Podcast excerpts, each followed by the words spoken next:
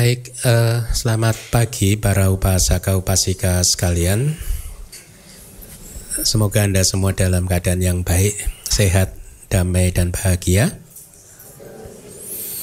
Hari ini kelas kita cukup pendek karena uh, jam 10.30 ya.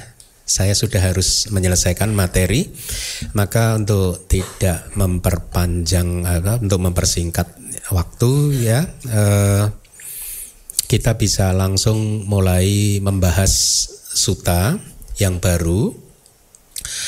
Suta ini sebenarnya letaknya di Majjhima Nikaya itu berturutan, berurutan dengan Cula Kama Wibangga Suta, yaitu analisis ringkas tentang kama yang sudah kita pelajari yaitu tentang siapa? Todea ya, eh, seorang pemuda Brahmana muda yang bernama Suba dan ayahnya Todea. Uh, suta yang lalu masih mudah, terkesan mudah. Suta ini agak rumit, ya. Maha Kama Wibangga Suta atau analisis panjang tentang kama ini agak rumit. Oleh karena itu nanti pada saat petugas membacakan sutanya, saya akan dari waktu ke waktu ber, meminta berhenti untuk sedikit memberikan penjelasan supaya anda tidak uh, apa uh, tersesat begitu ya. Baik, uh, silahkan petugas. Sutanya agak panjang ini. Demikianlah yang ku dengar pada suatu ketika Begawan sedang menetap di Raja Gaha di hutan bambu Taman Suaka Tupai. Pada saat itu, Yang Mulia Samidi sedang menetap di sebuah gubuk hutan. Kemudian pengembara Potaliputa sewaktu berjalan-jalan untuk berolahraga mendatangi Yang Mulia Samidi dan saling bertukar sapa dengannya. Ketika ramah tamah ini berakhir, ia duduk di satu sisi dan berkata kepada Yang Mulia Samidi. Jadi ini ada dua nama di sini Anda ingat-ingat. Yang pertama adalah murid Buddha seorang Bante yang bernama Yang Mulia Samidi ya. Yang kedua itu pertapa pengembara Paribajaka yang bernama Potali Puta. Nanti akan ada nama lain Suta ini saya terjemahkan, uh, saya ambil dari terjemahan yang dilakukan oleh tim Damacita ya dengan sedikit penyesuaian oleh saya sendiri. Teman Samidi, aku mendengar dan mempelajari ini dari mulut pertapa Gotama sendiri. Perbuatan jasmani adalah kosong, perbuatan ucapan adalah kosong, hanya perbuatan pikiran yang nyata dan ada pencapaian yang dengan memasukinya maka seseorang tidak merasakan apa pun sama sekali. Ini dikatakan oleh pengembara Potali Puta ya. Jadi dia ini pengembara bukan murid Buddha ya pertapa pengembara ya. Dia mendengar sebenarnya kata-kata Buddha kemudian dia menginterpretasikan secara keliru. Perbuatan jasmani adalah kosong ucapan kosong yang nyata itu hanyalah perbuatan pikiran. Perbuatan di sini sama dengan karma atau kama ya. Jadi kama tubuh perbuatan kosong kama ucapan kosong yang nyata itu sebenarnya hanya kama pikiran gitu.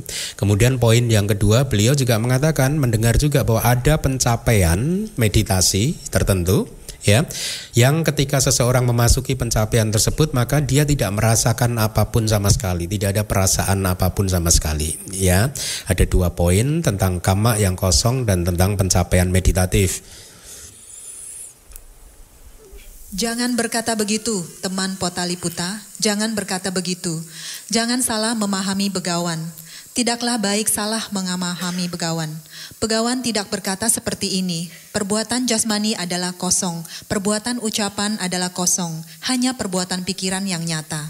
Tetapi, teman, memang ada pencapaian itu yang dengan memasukinya, maka seseorang tidak merasakan apa pun sama sekali. Ini jawaban dari murid Buddha yang mulia Samidi ya.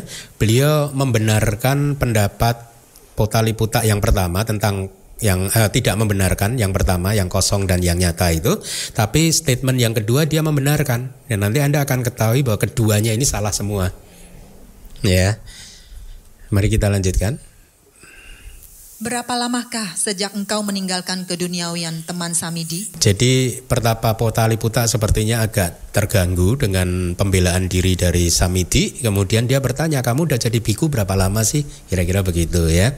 Dijawab, Belum lama teman, tiga tahun. Demikianlah, Apa yang akan kami katakan kepada para biku senior ketika seorang biku muda berpikir bahwa guru harus dibela seperti demikian?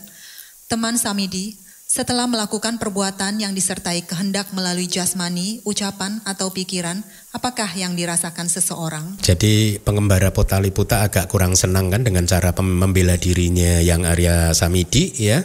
Dia mengatakan, oh saya mau cerita apa ini kepada biku senior kalau ada biku junior seperti ini. Kira-kira begitu, sedikit merendahkan. Tapi kemudian dia mengajukan pertanyaan berikutnya, yaitu eh, teman Samidi setelah melakukan kama yang disertai dengan kehendak, melalui jasmani, ucapan atau pikiran, apakah yang akan dirasakan oleh orang tersebut? Kira-kira begitu ya. Dijawab oleh Samiti.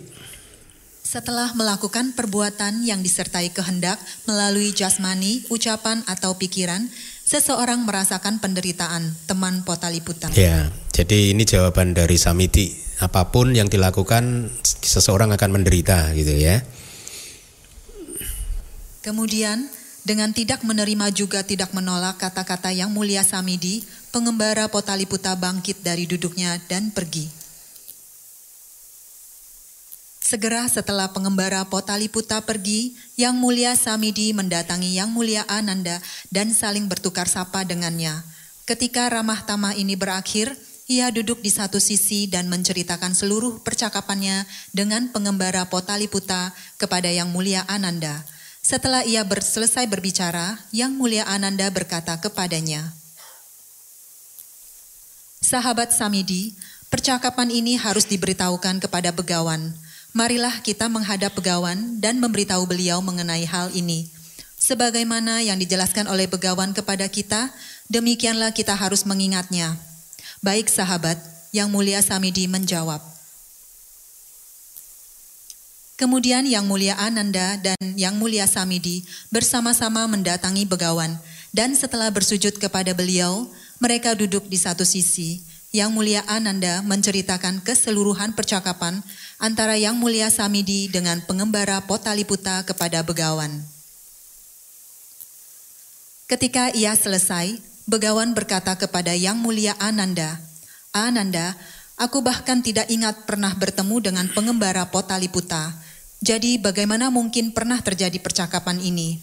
Walaupun pertanyaan pengembara Potaliputa seharusnya dianalisis terlebih dahulu sebelum dijawab, namun orang bodoh Samidi ini menjawabnya secara sepihak. Iya, jadi eh, Buddha di sini mengklarifikasi bahwa sebenarnya beliau tidak pernah bertemu dengan Potaliputa kan karena tadi Potaliputa kan di awal mengatakan sejauh yang dia pahami Buddha mengatakan seperti ini, kama tubuh kosong, kama ucapan kosong, hanya kama kama pikiran saja yang nyata gitu kan. Sekarang Buddha mengatakan saya nggak pernah ketemu dengan dia.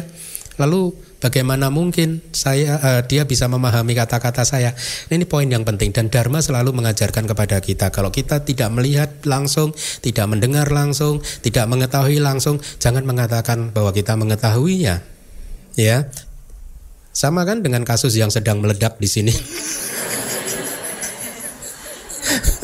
Salah sendiri nggak kenal ajaran dhamma ya. nah, eh, ada istilah yang cukup saya harus menjelaskan bahwa di Suta sebenarnya Buddha sering mengatakan seseorang yang uh, bodoh itu itu seperti itu bahwa bahkan biku samiti pun dikatakan oleh Buddha bodoh. Tapi saya tidak tahu apakah persepsi Eh, nilai atau makna dari perkataan bodoh di masa lalu sama dengan yang sekarang. Saya tidak mengatakan pasti saya tidak uh, meyakini bahwa Buddha marah terhadap perkataan tersebut. Tapi sebenarnya istilah ini sering dipakai oleh Buddha untuk menunjukkan seseorang yang tidak berpengetahuan, tidak paham apa-apa gitu. Biku pakai jubah nggak mau belajar. Dia adalah kalau kata-kata Buddha disebutnya juga moga purisa. Purisa itu laki-laki. Jadi bukannya disebut yang mulia yang moga itu enggak. Hah? Biku yang biku yang moga enggak. Buddha menyebutnya moga purisa. Moga itu kosong bodoh gitu ya. Uh, ya kira-kira begitu. Jadi di Makanya di sana diterjemahkan jadi orang bodoh samidi, jadi biku yang eh, seharusnya tidak menjawab seperti itu.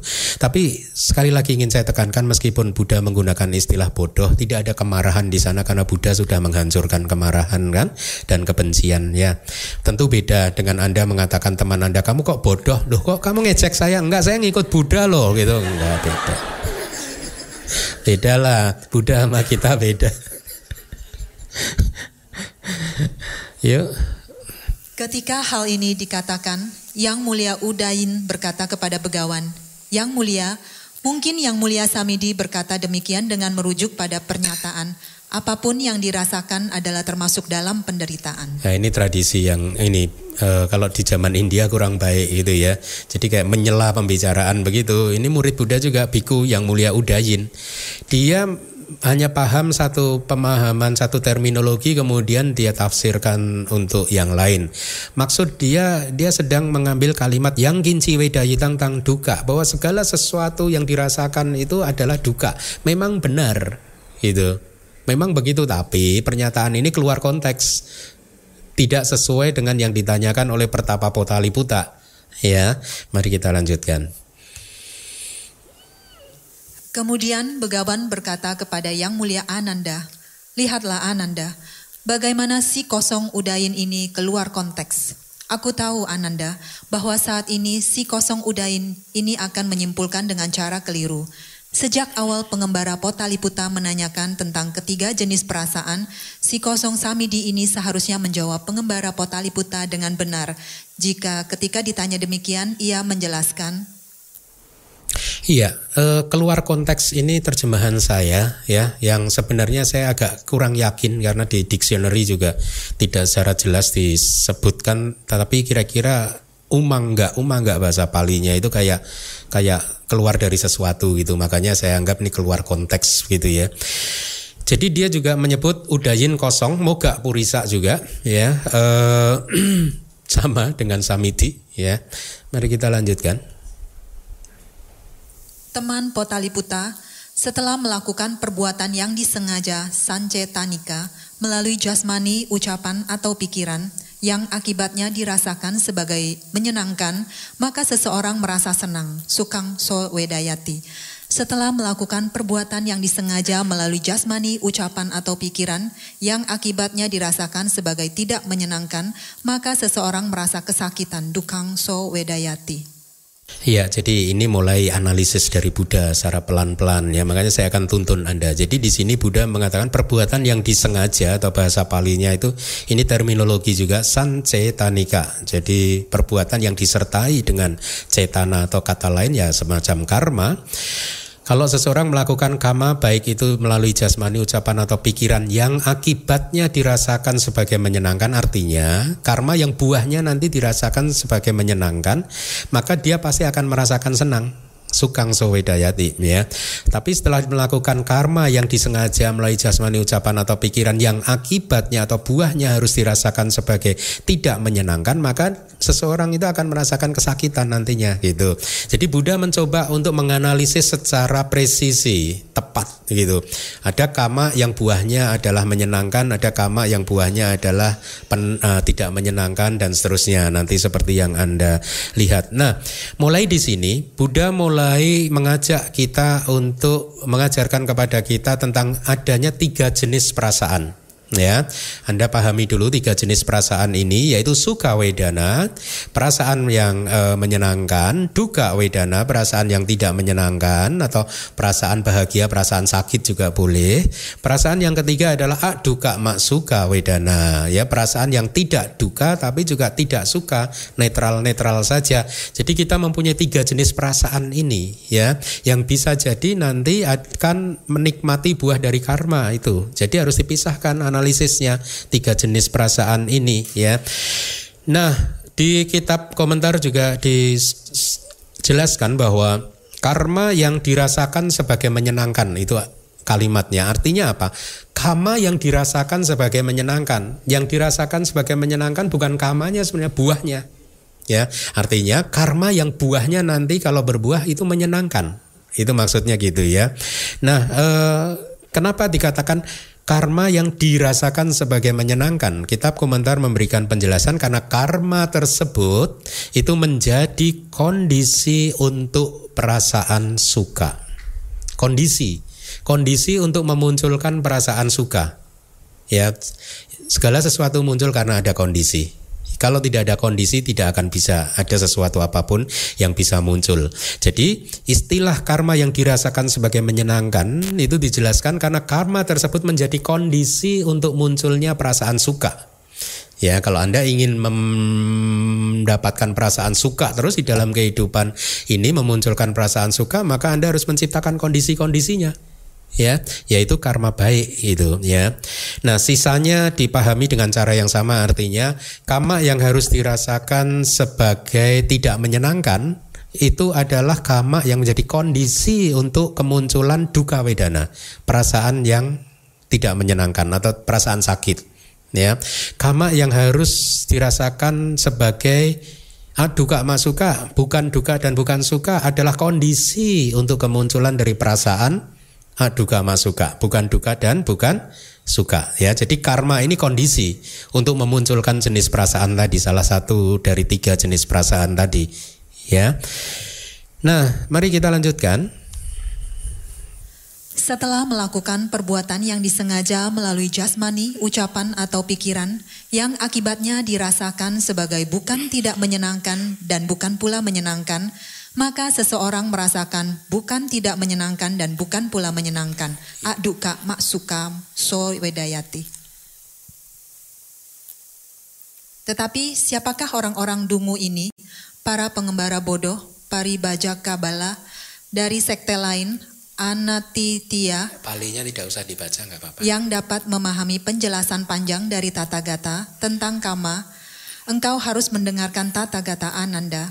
Sewaktu beliau menjelaskan analisis panjang tentang kama.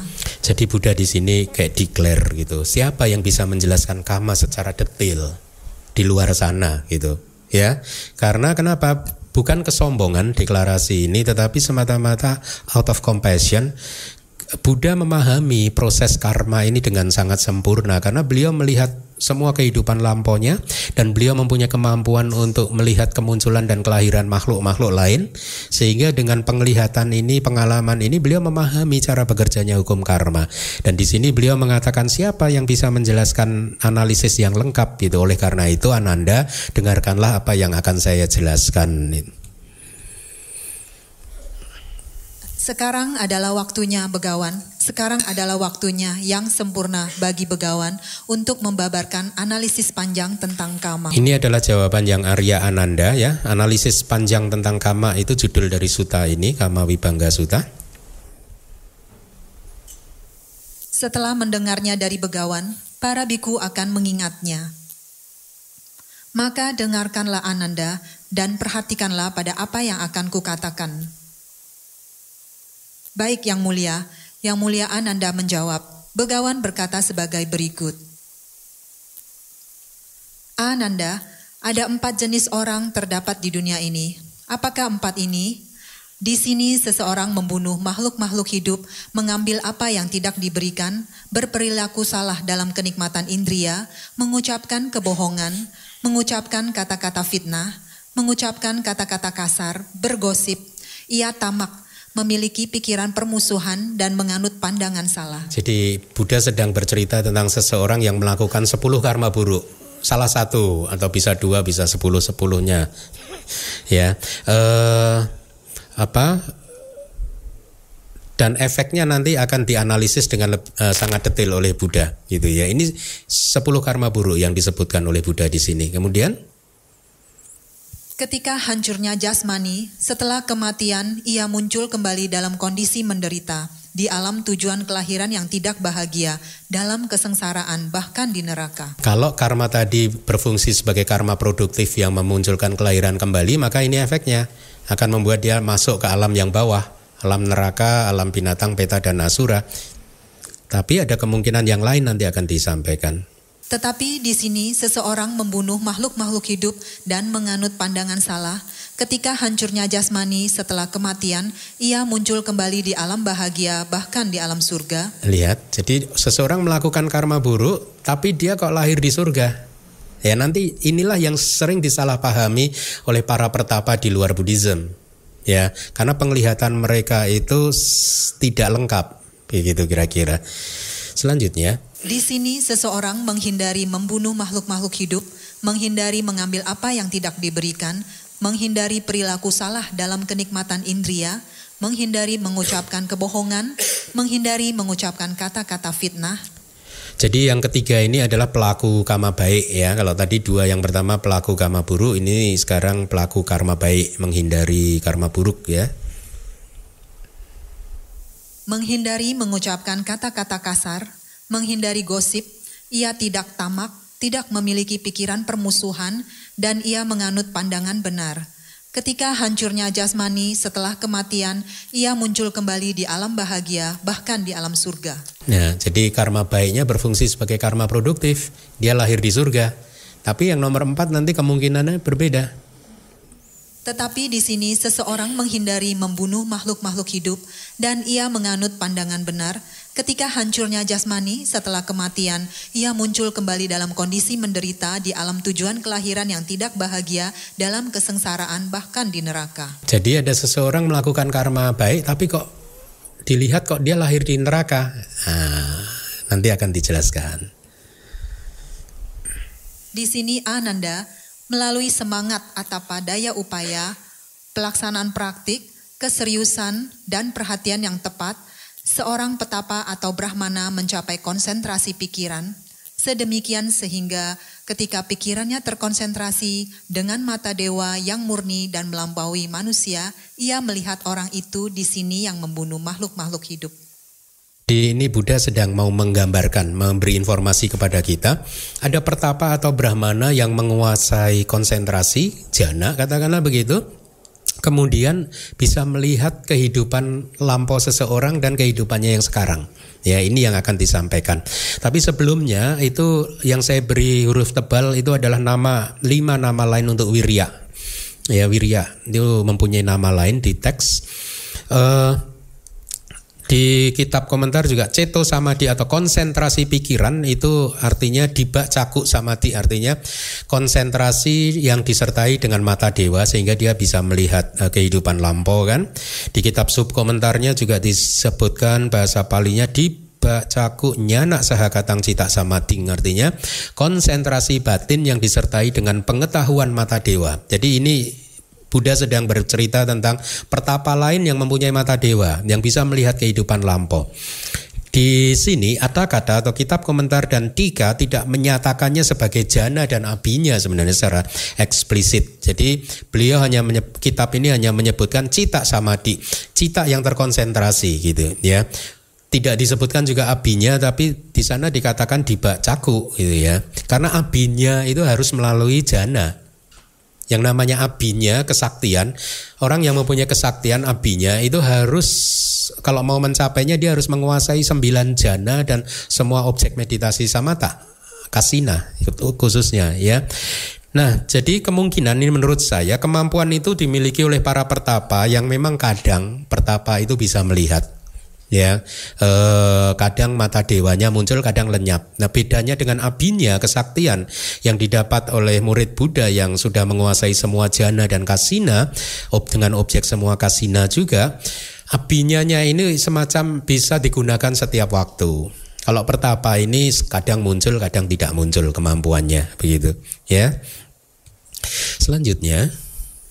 Dan menganut pandangan salah dan ia melihat bahwa ketika hancurnya jasmani setelah kematian, ia muncul kembali dalam kondisi menderita di alam tujuan kelahiran yang tidak bahagia, dalam kesengsaraan, bahkan di neraka. Ia berkata sebagai berikut, Sesungguhnya ada perbuatan-perbuatan jahat, ada akibat dari perilaku salah, karena aku melihat seseorang di sini yang membunuh makhluk-makhluk hidup. Jadi ini sedang pertapa ini melihat secara parsial, satu data saja ya datanya tidak lengkap. Dia melihat ada seseorang dulunya melakukan karma buruk sekali itu meninggal kalau lahir di surga. Nah dia mulai menghubungkan inilah hubungan sebab dan akibatnya. Begitu makanya dia berteori sesungguhnya memang ada perbuatan jahat, ada akibat dari perilaku salah ya karena aku melihat e, seseorang di sini yang membunuh makhluk hidup nanti lahir di neraka katakanlah begitu ya. Intinya pengetahuannya sangat terbatas kemudian dia menyimpulkan sesuatu. Ya, ini berbeda dengan pengetahuan kita, pengetahuan Buddha ya. Kita belajar dengan sangat lengkap sekali dengan segala variasi, kombinasi dan kemungkinan kemungkinan dari karma dan buahnya gitu. dan menganut pandangan salah, dan aku melihat bahwa ketika hancurnya jasmani setelah kematian, ia muncul kembali dalam kondisi menderita, bahkan di neraka, ia berkata sebagai berikut, Ketika hancurnya jasmani setelah kematian, semua orang yang membunuh makhluk-makhluk hidup dan menganut pandangan salah muncul kembali di dalam kondisi menderita bahkan di neraka. Ini teori dia, ya, teori parsial. Terburu-buru mengambil keputusan kesimpulan gitu. Jadi dari satu data dia mengambil kesimpulan, ya. Kalimat ini ada salahnya kalau dicermati. Ketika hancurnya jasmani setelah kematian, semua orang yang membunuh pasti lahir di neraka. Nah, kalau Anda yang sudah belajar dhamma, sudah belajar abidama, tahu kan salahnya kan? Iya kan? Lahirnya di neraka itu kalau karmanya itu berbuah. Kalau nggak berbuah kan nggak lahir di neraka. Kan begitu. Bahkan karma kan bisa di cancel, bisa dihancurkan maksud saya. Iya kan? Anggulimala ya, begitu menjadi arahat, hancur semua karma membunuhnya ya. Nah, jadi kesimpulan ini terlalu tergesa-gesa ya. E, mari kita lanjutkan. Mereka yang mengetahui demikian mengetahui yang benar. Mereka yang berpikir sebaliknya adalah keliru.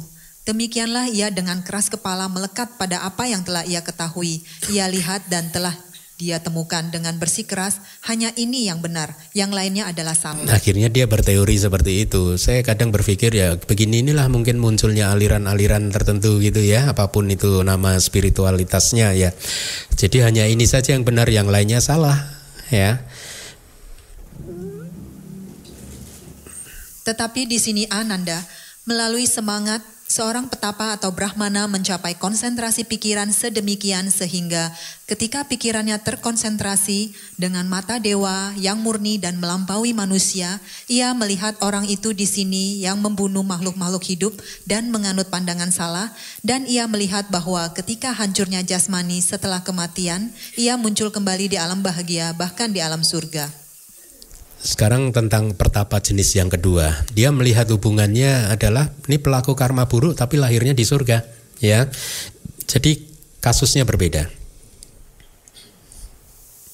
Ia berkata sebagai berikut, sesungguhnya tidak ada perbuatan-perbuatan jahat, tidak ada akibat dari perilaku salah, karena aku melihat seseorang di sini yang membunuh makhluk-makhluk hidup. Ya, jadi lihat, nggak ada perbuatan jahat itu nggak ada, nggak ada efeknya karena dia melihat seseorang dulunya melakukan karma buruk, eh sekarang lahir di surga kok, ya.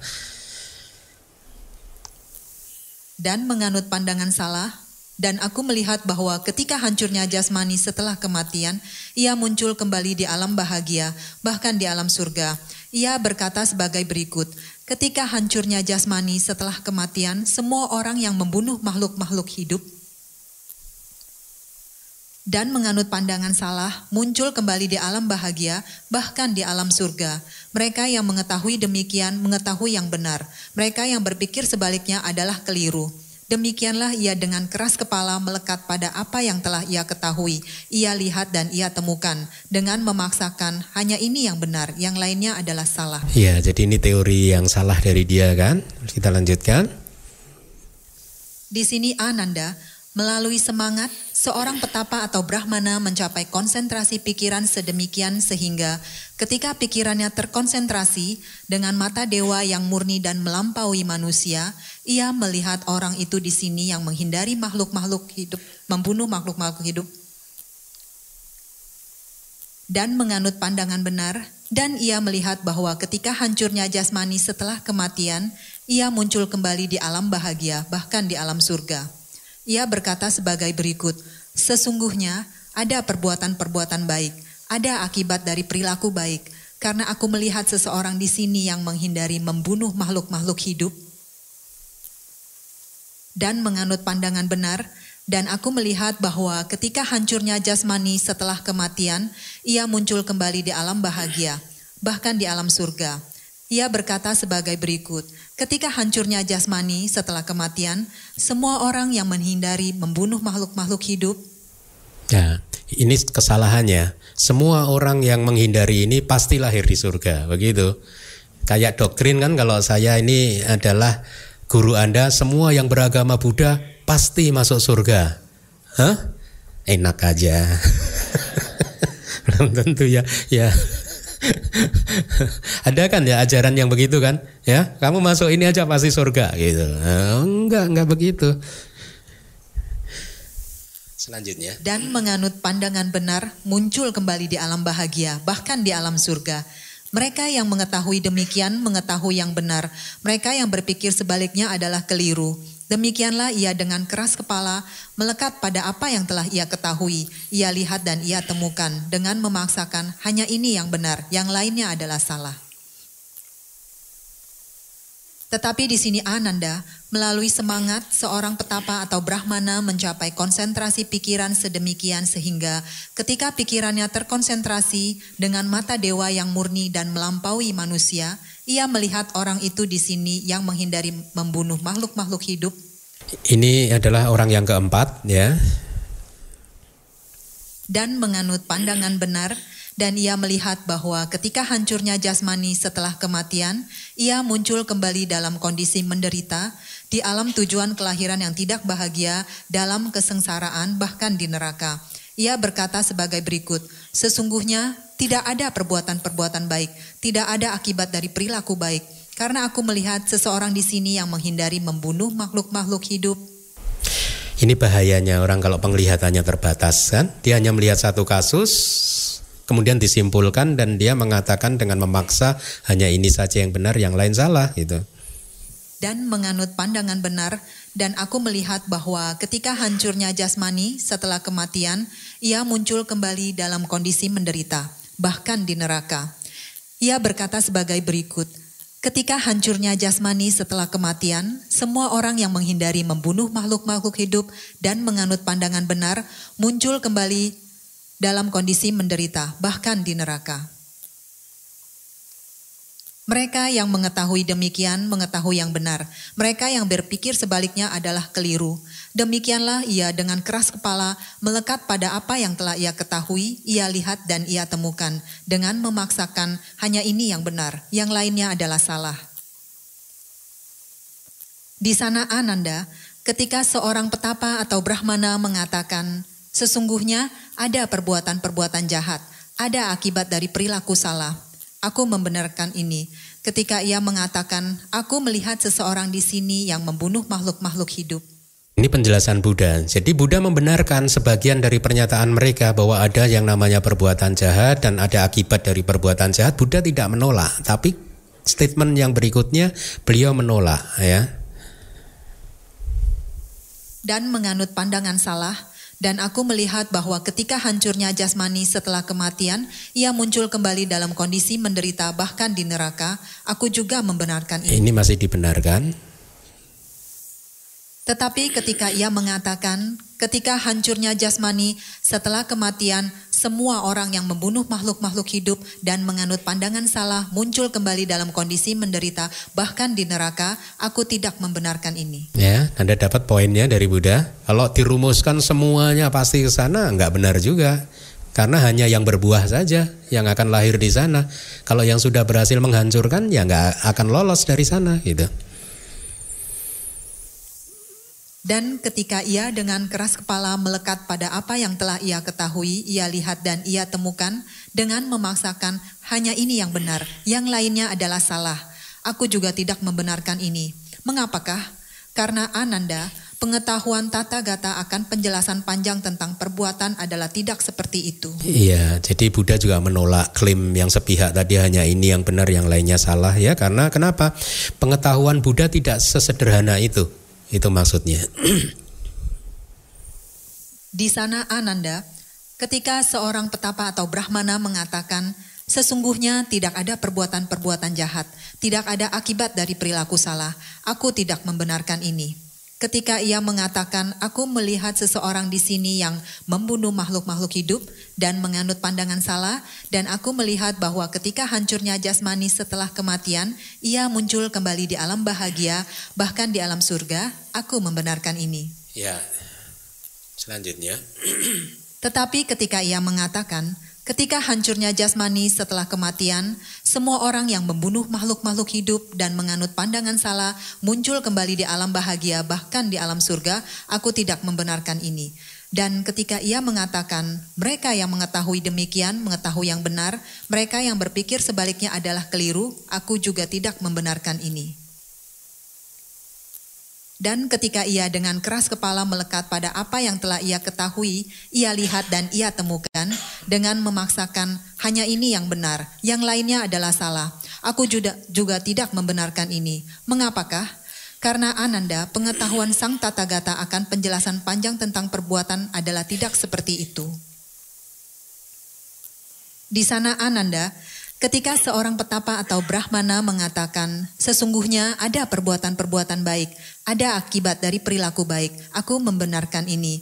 Ketika ia mengatakan, Aku melihat seseorang di sini yang menghindari membunuh makhluk-makhluk hidup dan menganut pandangan benar, dan aku melihat bahwa ketika hancurnya jasmani, setelah kematian ia muncul kembali di alam bahagia, bahkan di alam surga, aku juga membenarkan ini. Tetapi ketika ia mengatakan, Ketika hancurnya jasmani setelah kematian, semua orang yang menghindari membunuh makhluk-makhluk hidup dan menganut pandangan benar muncul kembali di alam bahagia, bahkan di alam surga. Aku tidak membenarkan ini. Dan ketika ia dengan keras kepala melekat pada apa yang telah ia ketahui, ia lihat dan ia temukan dengan memaksakan hanya ini yang benar, yang lainnya ada salah. Aku juga tidak membenarkan ini. Mengapakah? Karena Ananda, pengetahuan tata gata akan penjelasan panjang tentang perbuatan adalah tidak seperti itu. Di sana Ananda, ketika seorang petapa atau brahmana mengatakan, sesungguhnya tidak ada perbuatan-perbuatan baik, tidak ada akibat dari perilaku baik, aku tidak membenarkan ini. Ketika ia mengatakan, aku melihat seseorang di sini yang menghindari membunuh makhluk-makhluk hidup, dan menganut pandangan benar, dan aku melihat bahwa ketika hancurnya jasmani setelah kematian, ia muncul kembali dalam kondisi menderita, bahkan di neraka. Aku membenarkan ini. Tetapi ketika ia mengatakan, ketika hancurnya jasmani, setelah kematian, semua orang yang menghindari membunuh makhluk-makhluk hidup dan menganut pandangan benar muncul kembali dalam kondisi menderita, bahkan di neraka. Aku tidak membenarkan ini. Dan ketika ia mengatakan, mereka yang mengetahui demikian mengetahui yang benar, mereka yang berpikir sebaliknya adalah keliru, aku juga tidak membenarkan ini. Dan ketika ia dengan keras kepala melekat pada apa yang telah ia ketahui, ia lihat dan ia temukan dengan memaksakan hanya ini yang benar, yang lainnya adalah salah. Aku juga tidak membenarkan ini. Mengapakah? Karena Ananda, pengetahuan tata gata akan penjelasan panjang tentang perbuatan adalah tidak seperti itu.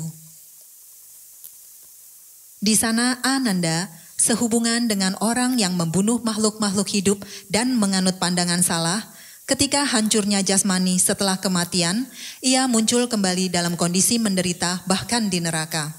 Apakah sebelumnya telah melakukan perbuatan jahat yang harus dirasakan sebagai menyakitkan? Atau belakangan ia melakukan perbuatan jahat yang harus dirasakan sebagai menyakitkan, atau pada saat kematian ia memperoleh dan menganut pandangan salah. Nah, sekarang kita lihat bedanya dengan analisis detil dari Buddha. Buddha itu master lah ya. Ya, dia sangat teliti sekali karena memang kebijaksanaannya melihat segala fenomena itu sudah dengan lengkap dan sempurna. Di bagian ini Buddha sedang mengatakan bahwa ada seseorang yang membunuh makhluk hidup dan atau melakukan karma-karma buruk yang lain sampai yang terakhir adalah menganut pandangan salah. Ya, 10 karma buruk kan. Setelah itu dia lahir di neraka tapi Buddha tidak lalu menghubungkan bahwa kelahirannya di neraka karena karma buruknya yang itu. Dia menganalisis dengan tiga kemungkinan. Satu, mungkin saja dia sebelumnya juga sudah melakukan perbuatan jahat yang harus dirasakan sebagai yang menyakitkan, ya.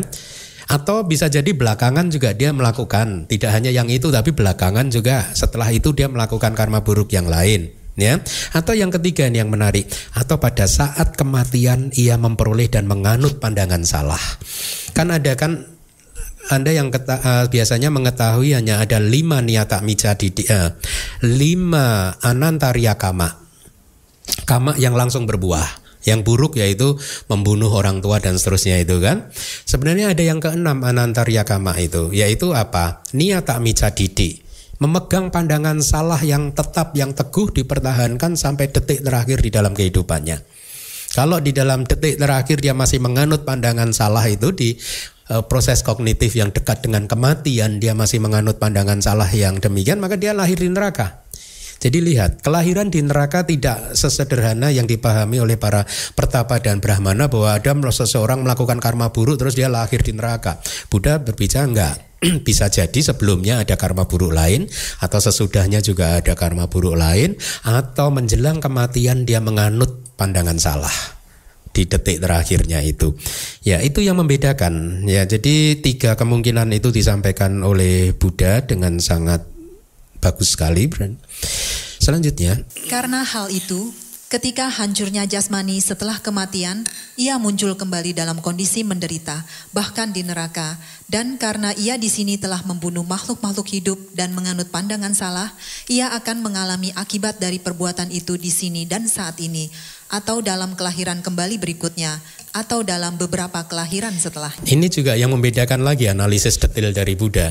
Jadi kalau dia melakukan karma itu tadi, ya meskipun itu tidak berbuah, melahirkan dia di neraka, tapi karma tadi itu bisa saja berbuah di sini dan saat ini. Nah, dia melakukannya di kehidupan itu berbuah juga bisa jadi di kehidupan saat itu juga, atau dalam kelahiran-kelahiran berikutnya, ya uh, atau dalam kelahiran kembali berikutnya artinya setelah yang ini jadi yang kedua atau dalam beberapa kelahiran setelahnya atau itu dengan kata lain kalau di dalam abidama dijelaskan diumpamakan kalau kehidupan ini kita katakan sebagai kehidupan yang pertama, maka seseorang melakukan karma buruk di kehidupan yang pertama, buahnya bisa dirasakan satu, bisa jadi di kehidupan saat ini juga dirasakan. Dua, bisa jadi dirasakan di kehidupan setelah ini atau kehidupan yang kedua. Ketiga, bisa jadi dirasakan mulai kehidupan yang ketiga, keempat, kelima, keenam sampai dia mencapai tingkat kesucian arahat. Selama dia masih berada di dalam samsara, maka karma buruknya masih mengikuti dia terus. Bisa sewaktu-waktu berbuah. Makanya bahayanya karma buruk itu juga seperti itu, ya. Karma baik juga seperti itu akan ada yang terus mengikuti kita hingga ke kehidupan kita yang terakhir. Selanjutnya, di sana Ananda sehubungan dengan orang yang membunuh makhluk-makhluk hidup dan menganut pandangan salah, Ketika hancurnya jasmani setelah kematian, ia muncul kembali di alam bahagia, bahkan di alam surga. Apakah sebelumnya telah melakukan perbuatan baik yang harus dirasakan sebagai menyenangkan, atau belakangan ia melakukan perbuatan baik yang harus dirasakan sebagai menyenangkan? Atau pada saat kematian ia memperoleh dan menganut pandangan benar. Ini analisisnya lihat. Kalau tadi Brahmana tadi kan mengatakan seseorang melakukan karma buruk lahir di surga, berarti nggak ada karma buruk, nggak ada efeknya. Buktinya saya melihat sendiri si A dulunya melakukan karma buruk, sekarang dia lahir di surga.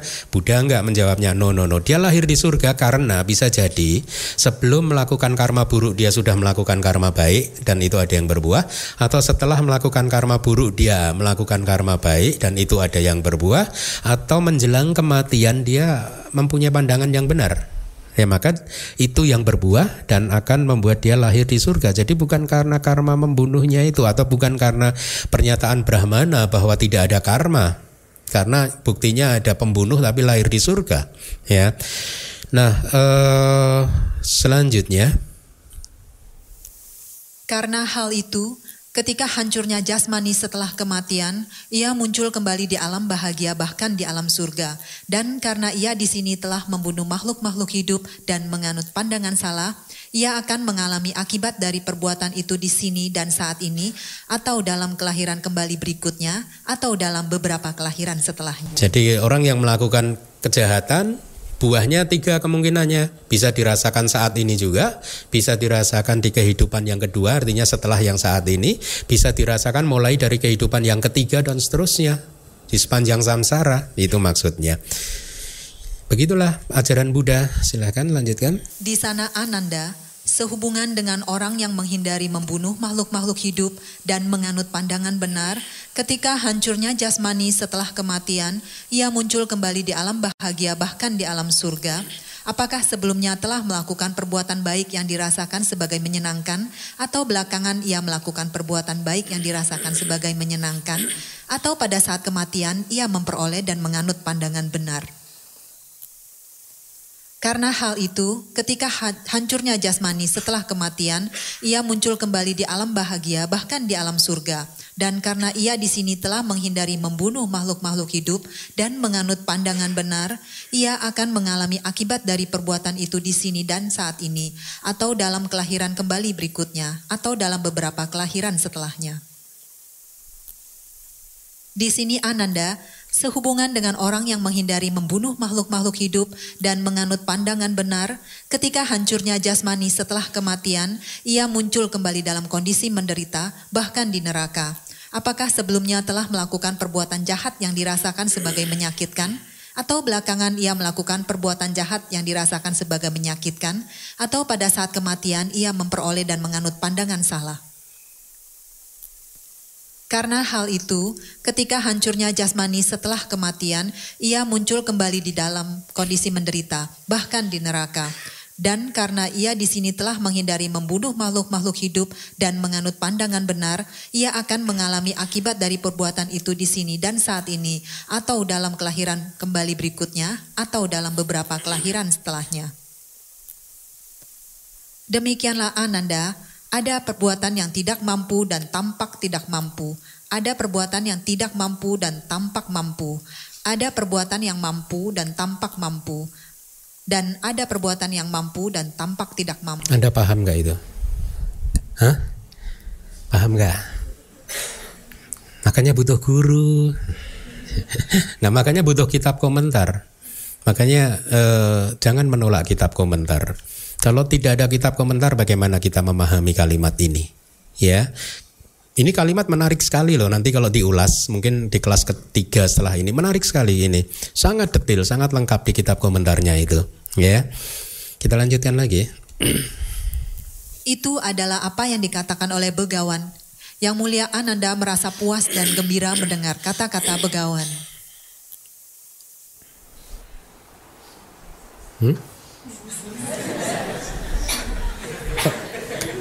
Keren amat. Baik, terima kasih uh, Dona ya, sangat panjang sutanya. Kita hanya mempunyai waktu 10 15 menit lah ya. Tapi nggak apa-apa, Anda sudah mulai mendapat uh, big picture dari suta ini kan karena saya sudah bimbing tuntun Anda dari waktu ke waktu tadi ya. Suta ini sangat menarik. Sangat menarik. Dan buat mereka yang memahami abidama akan lebih bisa mempunyai sada dan mengapresiasi betapa Buddha itu memang benar-benar manusia yang sempurna dan tercerahkan. Ya, karena analisisnya itu sangat detail, sangat lengkap dan memuaskan saya minimal ya, memuaskan kita gitu. Nah, uh, tadi saya sudah sempat menyinggung tentang abidama karena memang dari kitab penjelasannya, kata-kata dan kitab tikanya atau subkomentarnya nanti di, di kelas-kelas berikutnya Anda akan merasakan itu sangat dekat sekali dengan abidama penjelasannya. Dengan kata lain mereka yang sudah belajar abidama kembali berada dalam posisi yang lebih menguntungkan karena mereka akan bisa menikmati ini dengan dengan sangat baik ya. nah, berkaitan dengan ini saya teringat pada satu kalimat yang ada di kitab kita yaitu kitab komentar dari uh, uh, Dhamma Sanggani, kitab pertama dari Abhidhamma Pitaka. Namanya kitabnya adalah Atak Salini di halaman ke-20 halaman 29. Di sana kira-kira ada kalimat seperti ini. Abhidhamika biku yewa kira dhamma katika nama awasesa ya dhamma katang katen tapi nak Dhamakatika nama atau nak Dhamakatika. Jadi artinya begini, Abidamika biku yewa kira eh, dikisahkan Abidamika biku yewa dikisahkan diceritakan hanya biku yang memahami abidama. Dhamakatika nama adalah yang dinamakan sebagai seorang Dhamakatika. Seorang Dhamakatika adalah seorang pembabar dhamma. Jadi di kalimat ini dikatakan abidamika biku yewa kira dhamma katika nama. Diceritakan bahwa hanya biku yang memahami abidama yang disebut sebagai dhamma katika atau pembabar dhamma. Awasesa, sisanya biku yang lain maksudnya gitu ya Dhamma katang katen tapi walaupun sedang membicarakan kata-kata dhamma tapi nak dhamma katika bukan dhamma katika bukan pembabar dhamma. Di kitab itu kemudian dijelaskan begini kenapa begitu? Ya. Karena di kitab itu dijelaskan bahwa mereka yang tidak memahami abidama lalu bagaimana mereka bisa menguraikan kama dan buahnya? Dengan lengkap. Yang tidak paham abidama. Ya, satu. Kedua, mereka yang tidak paham abidama, bagaimana mereka bisa menceritakan kepada muridnya tentang perbedaan kualitas kesadaran? Kalau kita yang belajar abidama tahu ada 89 dan 121, beda-beda ya. Alasan yang lain, mereka yang tidak paham abidama, bagaimana mereka bisa menceritakan dan membedakan antara keserakahan, pandangan salah, kesombongan, kebencian, kemarahan, kecemburuan, kekikiran, penyesalan, dan lain sebagainya. Ada 52 faktor-faktor mental yang harus dipahami sesuai dengan karakteristiknya, fungsinya, manifestasinya, dan sebab-sebab kemunculannya yang semuanya berbeda. Mereka yang tidak memahami abidama, bagaimana mereka bisa menganalisis tubuh jasmani ini sesungguhnya terdiri dari 27 jenis materi yang berbeda. Terdiri dari klaster-klaster yang lahir dari kama, dari cita, dari utuh, dari ahara dan lain sebagainya. Mereka yang tidak paham abidama bagaimana menghubungkan sebab musabab yang saling bergantungan dari patijak samupada. Saya mengatakan ini semua bukan untuk tujuan jelek, memprovokasi dan mengatakan bahwa saya adalah biku yang paham abidama, berarti saya adalah seorang biku dhamma katika, sedangkan yang lain karena nggak paham abidama, berarti mereka bukan dhamma katika. Tidak, tidak itu tujuan saya. Tujuan saya adalah, mari kita membuka diri hati kita dengan selebar-lebarnya Kenapa kalimat itu tadi dicantumkan di dalam kitab komentar dari kitab Abhidhamma Pitaka yang pertama yang disebut Dhamma Sanggani di kitab Atak Salini? Kalau kita membuka diri uh, terhadap segala kemungkinannya, kita akan bisa berpikir bahwa pasti guru-guru di masa lalu pada saat menulis kalimat itu mereka mempunyai maksud. Betul tidak? Dan maksudnya pasti baik. Kenapa? Karena kalau maksudnya itu tidak baik, kitab itu tersebut sudah bertahan ribuan tahun. Ya, kalau itu maksudnya tidak baik, pasti waktu diverifikasi ulang oleh para sangga, para bante, pasti akan dicoret. Betul tidak? Tapi sampai hari ini dua, eh, ribuan tahun setelah beberapa eh, seribu dua ribu tahun, kitab itu masih ada. Ya masih tertulis. Artinya pasti yang menulis itu mempunyai maksud yang baik. Kita berpikir positif. Pasti mempunyai maksud yang baik, ya. Saya juga tidak percaya bahwa mereka yang menulis itu mempunyai maksud yang tidak baik. Mana mungkin orang suci mempunyai maksud yang tidak baik, ya. Nah, sehingga pada waktu pertama kali saya membaca itu beberapa udah agak lama, beberapa tahun yang lama dulu waktu awal-awal saya mempelajari dhamma, saya membuka diri saya lebar-lebar untuk mencoba menyelami kebenaran dari kalimat tersebut dan kemudian saya muncul tekad untuk mencoba mempelajari abidama. Setelah saya mempelajari abidama, saya bisa mengerti kalimat tersebut kebenarannya. Misalnya, mereka yang memahami abidama ya akan bisa memahami suta dengan lebih baik lagi. Ya. E, dibandingkan mereka yang tidak memahami abidama. Kenapa? Karena mereka yang memahami abidama itu logika mereka sudah tanpa mereka sadari sudah kokoh bahwa fenomena itu muncul lenyap dengan kecepatan yang sangat tinggi dan segala sesuatu muncul karena ada yang mendahului dan lain sebagainya sehingga mereka bisa mempenetrasi suta itu dengan uh, lebih uh, dalam lagi. Nah, saya juga sadar mengatakan hal ini pasti ada banyak yang tidak setuju ya dengan kalimat tersebut ya. Uh, tapi sekali lagi maksud saya juga baik ya untuk untuk mencoba mengajak anda berpikir maksudnya apa kalimat itu ditulis gitu ya. Jadi saya juga sadar mungkin nanti juga kalau mendengar di YouTube ada yang komplain Wah, sungguh disayangkan itu. Seorang biku mengatakan hal yang sangat tidak bijaksana. Eh bukan saya yang mengatakan, no. Makanya saya berlindung di balik kitab Adasal ini, no. Makanya kalau Anda ingin melacak ini ada di kitab Sali, Adasal ini saya ulangi lagi.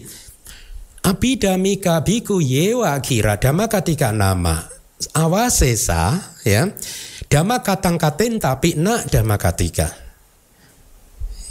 Ada sali ini halaman 29 boleh di, dicek. Nah saya juga tidak bermaksud untuk mengundang kontroversi ya tapi mengajak kita semua untuk merenung kenapa itu semua ada di kitab ya. Saya juga tidak bermaksud untuk membuat Anda patah semangat untuk belajar dhamma. Bante ini kan tahu kan Bante kami mayoritas nggak suka abidama, nggak apa-apa, nggak apa-apa, nggak apa-apa, udah aspirasi aja untuk kelahiran depan. Nah oleh karena itu kembali lagi karena ini waktunya tidak banyak kan ya. Begini loh, kan ada saja orang yang menolak abidama, ya. No, abidama bukan ajaran Buddha, itu muncul belakangan gitu, ya mereka harusnya sadar konsekuensi dari statement itu. Kalau abidama itu mereka menolak abidama berarti jangan menyebut kitab sucinya Pitaka dong. Dua Pitaka. Ya, dan ada konsekuensi yang yang yang berisiko tinggi lagi. Apa? Kalau mereka yang menolak abidama mau tidak mau akhirnya harus menolak banyak kata-kata dan tika. Banyak atas kata, banyak kitab komentar yang harus mereka tolak. Banyak kitab subkomentar yang harus mereka tolak. Banyak. Kenapa? Banyak. Karena sebagian besar kitab komentar dan subkomentar yang bercerita tentang pengalaman meditatif, yang bercerita tentang hukum karma, yang bercerita tentang anata, itu dibahas sesuai dengan abidama. Banyak sekali, banyak sekali gitu. Artinya mereka yang menolak abidama, kitab komentar itu harus ditolak. Ya. Berarti kalau kitab komentar itu ditolak juga, mereka hanya membaca dua pitaka. Betul. Karena mereka juga bukan biku, mereka nggak mau baca Winaya Pitaka. Sehingga maunya Suta Pitaka. Eh kitab sucimu apa? Eka Pitaka. Dan yang repot lagi, karena Suta Pitaka tidak bisa dipahami tanpa komentar, dan dia sudah menolak kitab komentar, akhirnya dia berkomentar sendiri. Jadi nggak nggak nggak nggak konsisten. Di satu sisi dia menolak kitab komentar, di sisi lain dia membuat kitab komentar sendiri. jadi jadi repot, logikanya jadi berantakan, jadi repot. Oleh karena itu poin yang ingin saya sampaikan, kalau kita di Myanmar kita belajar Tripitaka itu berdasarkan kitab komentar dan subkomentarnya. Saya tidak mengatakan kitab komentar dan subkomentar ini harus dipegang teguh harus enggak. Karena memang kadang ada yang bercerita tentang situasi-situasi masa lalu yang kita perlu perlu tidak perlu untuk apa menggenggamnya. Tetapi selebihnya itu membantu kita untuk menjelaskan suta seperti tadi. Ada yang mampu dan ada yang tidak mampu. Anda bagaimana memahami itu? Huh? Udah masuk gitu aja butuh kitab komentar sih Bante. Wah, kan namanya mampu dan tidak mampu udah jelas. Nah, tapi apa yang disebutkan di kitab komentar berbeda dengan pemahaman kita. Ya. Nah, jadi kembali lagi. Uh, ya. Saya rasa cukup ya. 10 menit, oke. Okay. ya, itu tadi sebagai pembuka karena saya harus menyampaikan ini karena seperti yang Anda nanti akan temukan di kitab komentar maupun subkomentarnya itu dibahas sesuai dengan abidama. Tapi Anda jangan patah semangat, kan ada saya.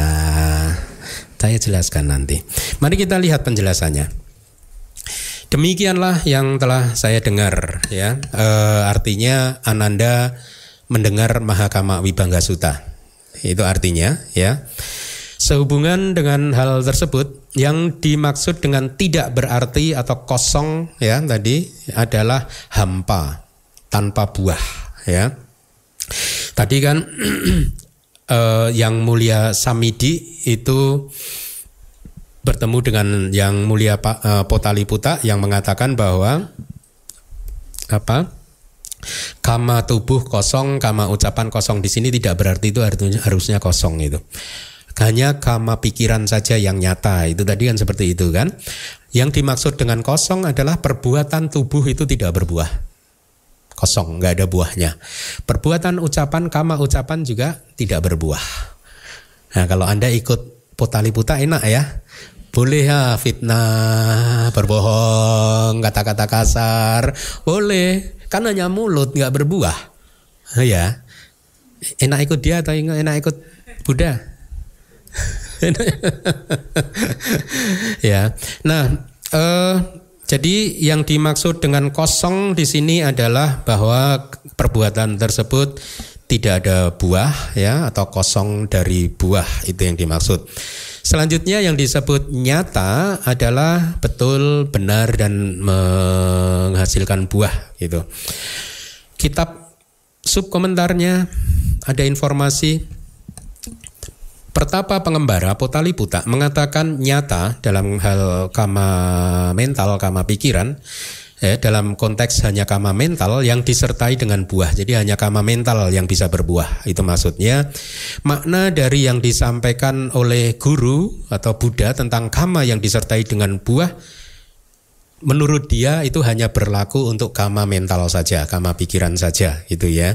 Kama tubuh dan ucapan tidak disertai dengan buah. Jadi eh, artinya kama tubuh itu apa saja? Pembunuhan. Pembunuhan itu melalui tubuh, nggak ada buahnya. Ya. Kemudian apa? Yang kedua, mencuri itu melalui tubuh, nggak berbuah. Berzina melalui tubuh, nggak berbuah. Ya. Kama ucapan berbohong, berkata-kata kasar, memfitnah dan gosip itu nggak ada buahnya. Hanya karma mental saja yang berbuah.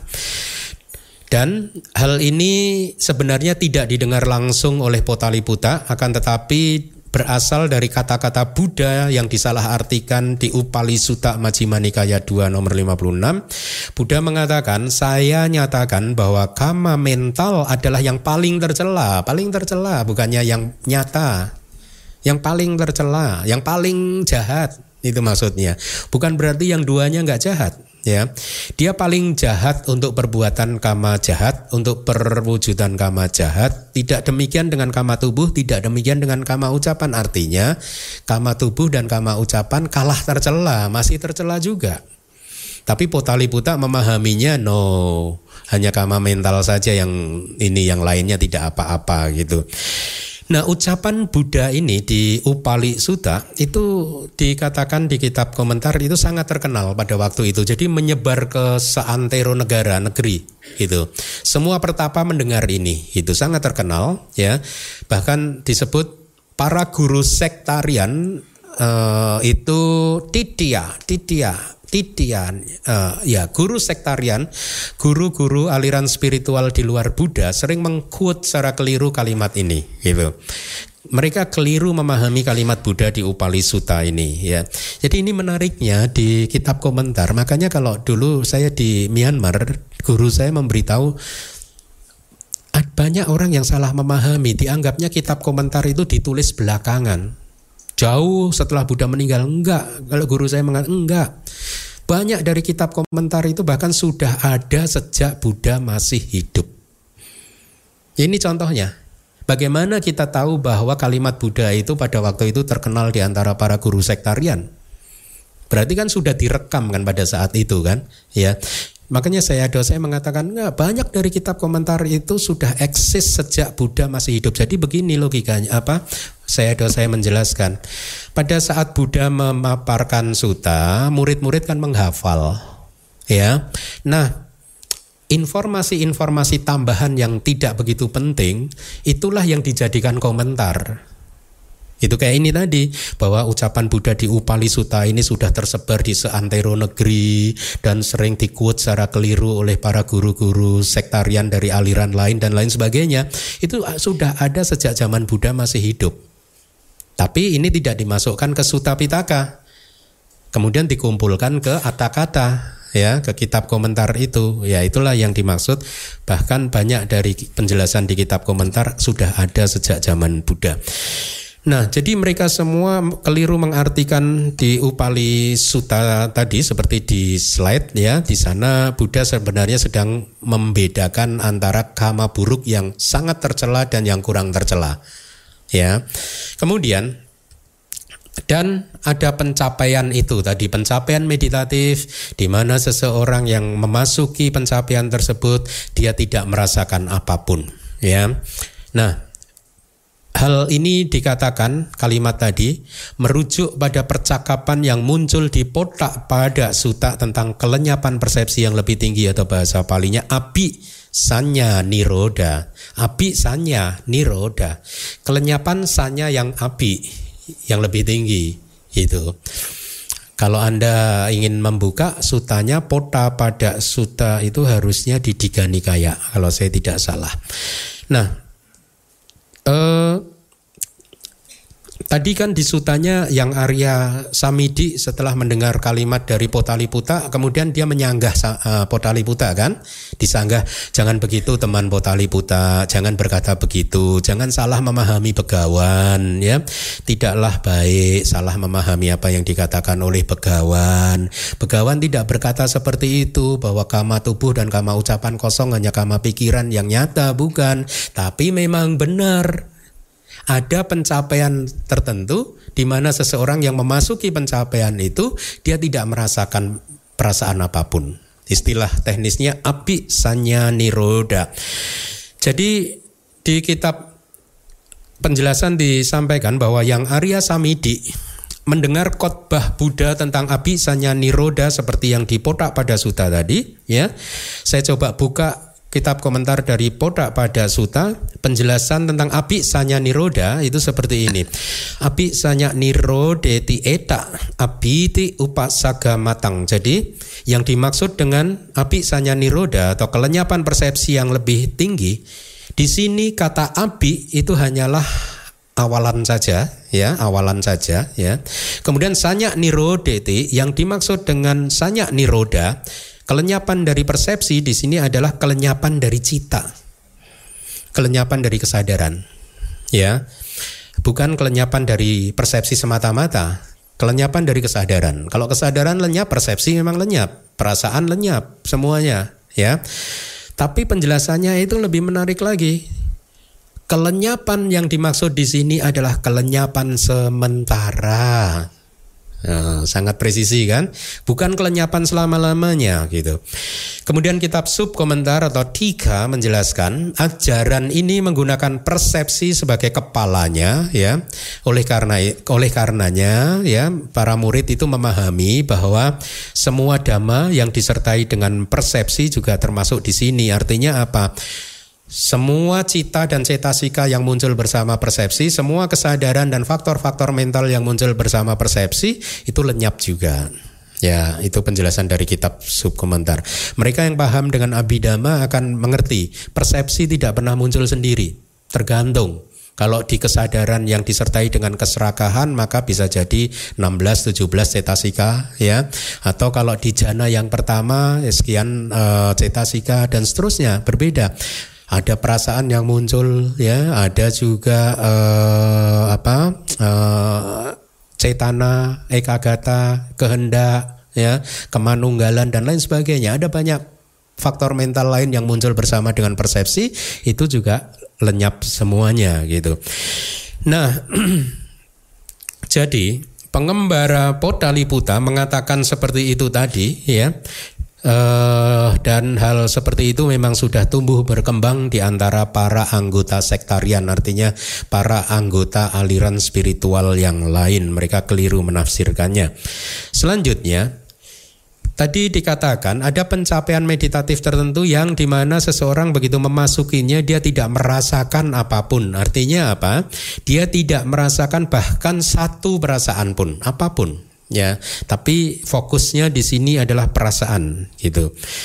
Uh, jadi ketika hmm,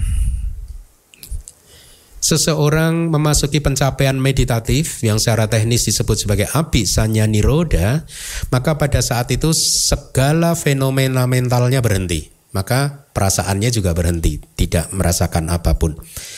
Selanjutnya Akan tetapi teman ada pencapaian tersebut yang ketika seseorang mencapainya tidak merasakan apa pun itu artinya di sini kalimat ini diucapkan oleh Samiti artinya Tera atau Biku Samiti mengizinkan atau setuju dengan kalimat yang diucapkan oleh uh, Potaliputa dia setuju gitu.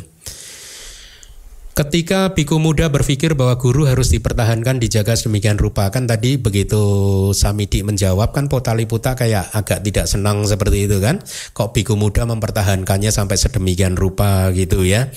Jadi eh, sebagaimana yang telah disampaikan oleh Begawan ya Potaliputa memahaminya secara keliru. Ya ini di kitab sub komentar. Jadi Tera mencoba mempertahankan reputasi Begawan ya dengan menolak pendapat dari Potaliputa. Itu artinya ya. Kemudian dia merasakan penderitaan gitu. Tadi kan di sutanya ada kalimat begini kan. Setelah melakukan perbuatan, jadi yang Arya Samidi berkata, setelah melakukan perbuatan ya, yang disertai dengan kehendak melalui jasmani, ucapan maupun pikiran, maka seseorang merasakan penderitaan. Itu kan tadi jawaban dari Biku Samidinya kan, ya.